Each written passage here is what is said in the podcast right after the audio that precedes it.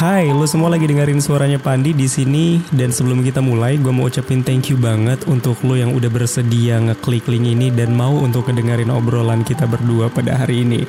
Hari ini gue ngobrol bareng temen lama gue, namanya Tasya Aulia, tapi gue sering panggilnya Talia, biar simple aja gitu kan. Dan kayaknya juga di episode kali ini bakal gue buat jadi dua episode karena memang seseru itu. Ternyata ngobrol sama kawan lama banyak insight yang bisa dapat. Kalau lo juga yang dengerin semoga aja bisa dapat insight insight dari obrolan kita berdua. Tapi kalau nggak ada insight yang lu dapat, ya semoga aja bisa menghibur hari-hari lo ya. ini sebenarnya gue udah lama banget sumpah nggak ketemu gitu nggak ngerti lagi sekarang tuh bentukannya kayak gimana looknya kayak gimana cuman masih uh, kayak kontek-kontekan tipis balas-balesan gitu replay instastory lewat Instagram gitu mungkin langsung aja kali ya gue ajak ngobrol ini dia temen gue waduh teman lama gue nih halo selamat selamat apa ini nyebutnya ya Butal Selamat malam gak sih?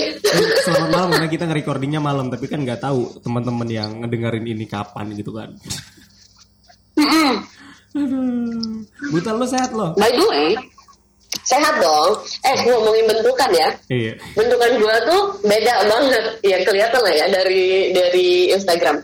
Bedanya adalah dulu pas kita siaran bareng, gua kan belum pakai jilbab dong. Tapi sekarang gua udah pakai jilbab, Caila. Sih, sekarang udah menjadi wanita solehot ya. Eh salah, soleha ding maksudnya.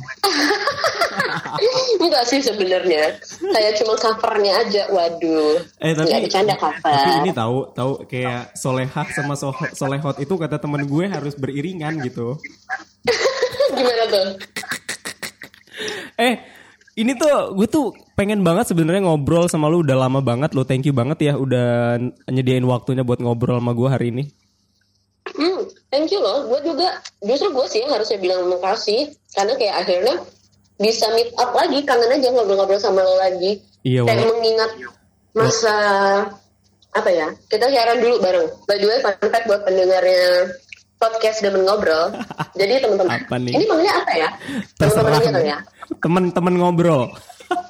Hmm. Jadi teman-teman ngobrol dulu waktu pas eh, gue sama Pandi siaran bareng, siaran bareng, eh, Pandi itu salah satu partner yang sangat-sangat membantu gue pas siaran zaman SMA. Jadi gue tuh kan dulu anaknya nggak pede abis ya, sama sekali nggak pede.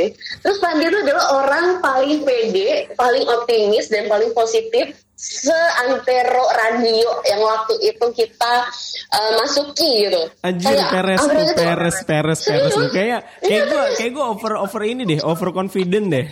Hmm, I don't know, tapi bagi gue di situ gue melihat itu sebagai sebuah keoptimisan ya. Dan serius ya gue tuh sampai yang uh, ada pada saat di mana nggak gue siaran kalau tandemnya nggak pandi karena gue nggak pede itu untuk ngomong Ih. kayak gue malu banget Enggak lu tapi sih itu kan dulu tahu. ya itu kan dulu tapi kan berbeda hal dengan uh, Talia yang sekarang gitu. Wow, tadi yang sekarang sombong sekali malah nggak mau ditandemin, maunya siaran Tapi sendiri. Oh my god. Sebenernya ya kalau gua kalau kita throwback sedikit gitu ya kalau gua ingat-ingat zaman-zaman saat itu ya jujur banget nih gue gue juga kayak sebenarnya lupa-lupa gitu sebetulnya bu. Masa-masa zaman kita dulu siaran kayak gitu ya. Dan teman-temannya kalau teman-temannya maksudnya kayak masih suka berteman kan di Instagram gitu masih lihat teman-teman satu teman-teman ini teman ini masih ke kontrol lah ke monitor gitu. Tapi kalau momennya sendiri pada saat eh, kita bersama itu bisa kehitung jari jujur li sama gue yang gue inget momentumnya. Yang pertama adalah ulang tahun waktu itu BMR Group ya, Bintang Media Radio ya. Terus ulang tahunnya Kanjeng, Kanjeng Ana, Ana Atina inget nggak? Datang nggak lo? Hmm, hmm, hmm.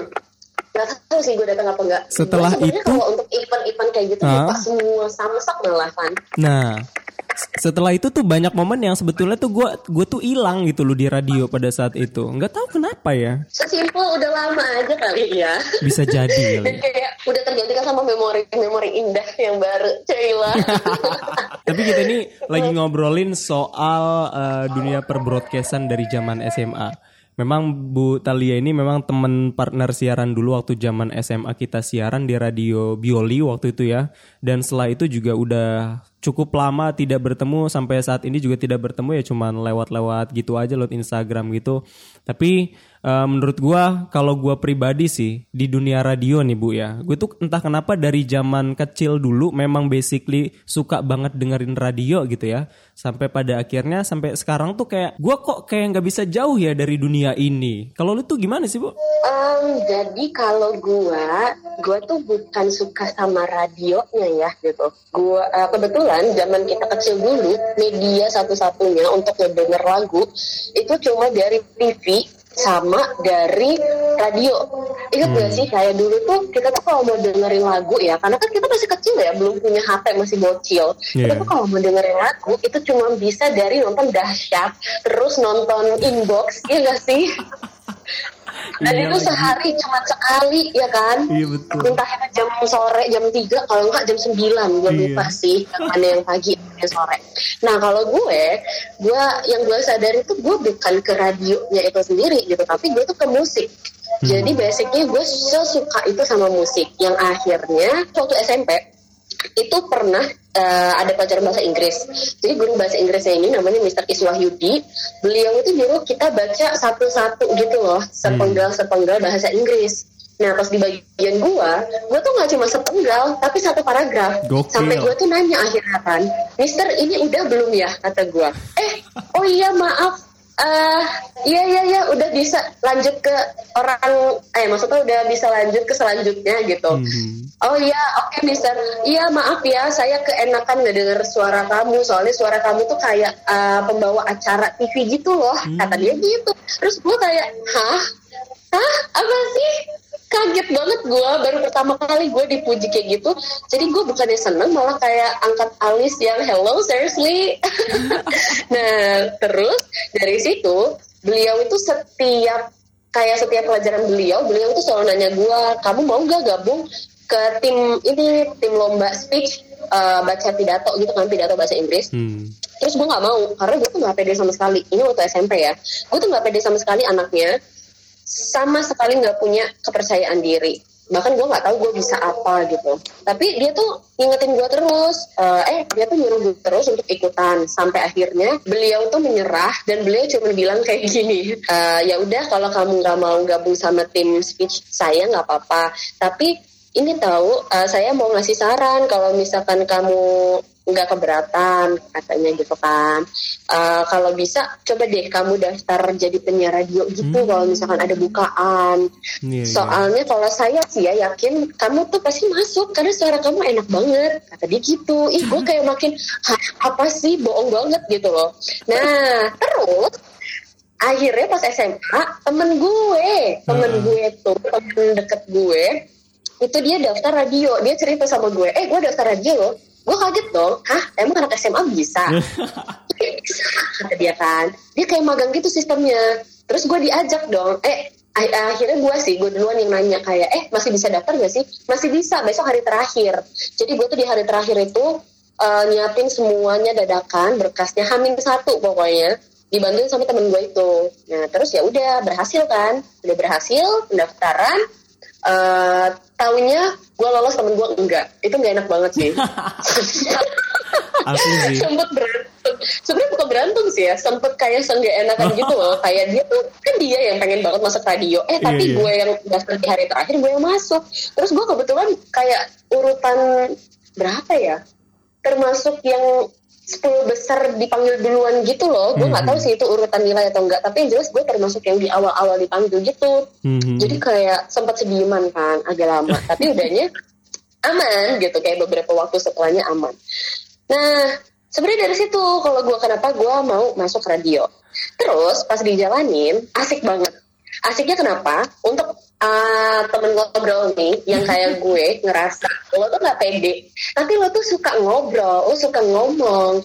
Terus juga lo tuh apa ya suka mendengar cerita juga cerita orang lain hmm. gitu. Dan juga yang terpenting lo suka lagu gitu ya. Kalau lo sama nih kayak Talia uh, kayaknya kejar dia tuh cocok sih untuk kalian gitu. Tapi betul karena sih Uh-uh. Iya, aku tuh nggak pede banget kalau jadi MC yang di mana kita tuh ngomong di depan orang banyak dan diliatin. Hmm. Kalau punya radio kan yang kedenger banyak tapi nggak ada yang liatin. Nah itu. Cocok banget kan buat orang nggak pede kayak gue. Itu sih kalau gue. Bersembunyi di bal di dalam studio ya? Iya. Bener. Tapi memang eh, kalau gue sendiri sih ya eh, yang terlepas tadi di awal gue ceritain ketika gue pertama itu suka banget denger radio dari zaman SD gitu. Karena ya betul kata lu tadi nggak ada media lain secanggih kayak sekarang. Itu kan sekarang ini udah banyak banget media sampai kadang-kadang itu kita suka bingung gitu kan. Mau yang mana yang kita buka mau yang mana kita dengerin duluan gitu kan. Kalau dulu kan cuman ya cuma radio gitu sama acara-acara TV gitu kan. Terus satu hal yang membuat gue pada akhirnya tertarik banget untuk bisa gabung jadi penyiar radio adalah pada saat SMA. Waktu itu ada kakak tingkat gue kelas 3, kelas 12 waktu itu dan gue itu eh, masih kelas 10, masih kelas 1 ngeliat dia dan tahu dia ternyata dari teman-teman itu ternyata dia eh, penyiar radio anak-anak SMA gitu. Nah, dari situ gue kayak lah emang ada ya betul juga kata gue dari situ kayak kebetulan kan dia ketua osis ya jadi dia tuh speak upnya banget gitu ya kelihatan banget dan paling menonjol gitu saat sekolah gitu.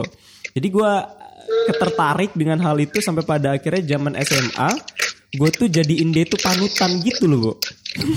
Ah berawal dari ngefans gitu ya. Bro dari ngefans sampai pada akhirnya gue dia ngasih tahu gue gue deket-deket gitu kan sama dia kayak sokap gitu. Kak gimana sih kak? gitu-gitu nanya gitu. Dan dia juga orangnya open mau ngajarin. Sampai pada akhirnya ngelihat itu tadi dia ngasih tahu nih ada bukaan radio yang waktu kita ini di radio Bioli dia bilang itu nah gue coba kesempatan itu. Dan ya alhamdulillahnya gue juga bingung kenapa bisa jebol gitu Ini banyak orang bilang katanya lu ini percaya diri sih pan. Dia bilang kayak gitu. Tapi setelah gue pikir-pikir juga sekarang ya gue pikir-pikir anjir zaman dulu itu gue kayak jamet parah sih. Hmm, lumayan. Gue tidak menampik lumayan aja. Iya jadi orang-orang tuh yang bilang lu ini kecil gitu kan terus item gitu kan terus nggak good looking gitu.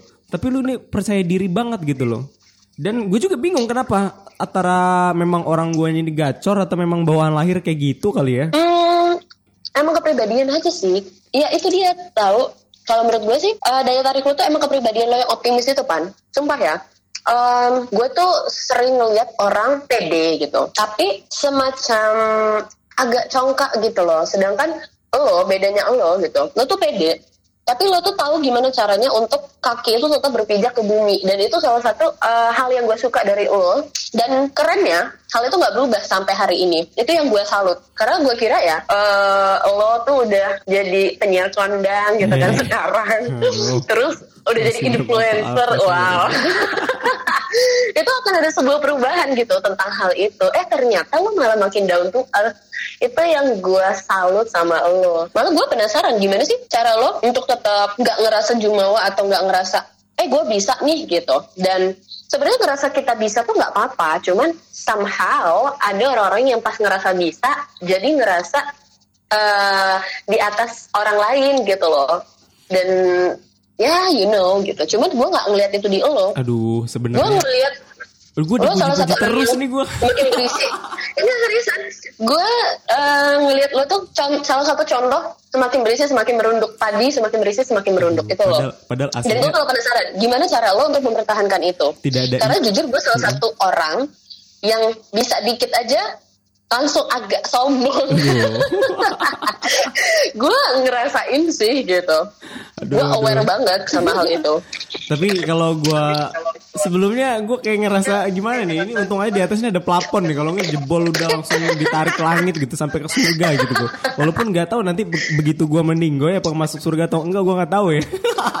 Jadi kita berharap yang terbaik gitulah. Tapi sebetulnya ya Bu Tal dengan basic gua yang eh, dulu memang percaya diri pada awal banget gitu ya. Gue tuh sebetulnya aslinya korban bullying tahu nggak sih lo? Percaya nggak lo? oh wow. Korban bullying lo. nggak tahu sih lebih tepatnya nggak tahu. Karena dulu tuh di tempat tinggal yang gue sekarang ya, gue baru pindah ke tempat gue yang sekarang itu SD kelas 6 gitu dengan lingkungan dengan lingkungan baru. Dan sebelumnya memang gue itu kayak nomaden gitu keluarganya. Eh, nggak tentu pindah ke sana kemari gitu. Membawa alamat alamatnya palsu lagi Enggak, enggak, enggak bercanda, bercanda. Balik lagi. Jadi ketika gue pindah tempat yang sekarang, gue sempat kayak ngalamin apa istilahnya kalau anak-anak zaman sekarang tuh kayak culture shock gitu ya. Istilah anak zaman sekarang. Tapi pada saat itu gue cukup kaget ketemu lingkungan gue yang seperti ini walaupun gue tidak meng, apa ya tidak mendiskreditkan tempat gue tinggal gitu ya. Maksud gue kayak tidak mengucilkan gitu. Tapi gue cukup kaget di situ ketemu lingkungan yang menurut gue kayak wow di sini tuh hard rock parah cuy Jadi, Kenapa tuh? gue anak baru main gitu ya ketemu temen yang lingkungannya keras zaman-zaman anak SD kayak gitu udah ya tukang ribut, tukang berantem walaupun anak-anak kecil sih yang namanya anak-anak kan tukang berantem ya. Tapi gua rasa itu tuh sangat amat nggak wajar untuk anak-anak main keluar malam terus gitu sampai jam 12 malam. Sedangkan kalau gue didikannya di keluarga itu abis maghrib udah lu diem ngaji sholat udah nggak boleh ke mana-mana. Nonton TV ngantuk jam 9 tidur gitu.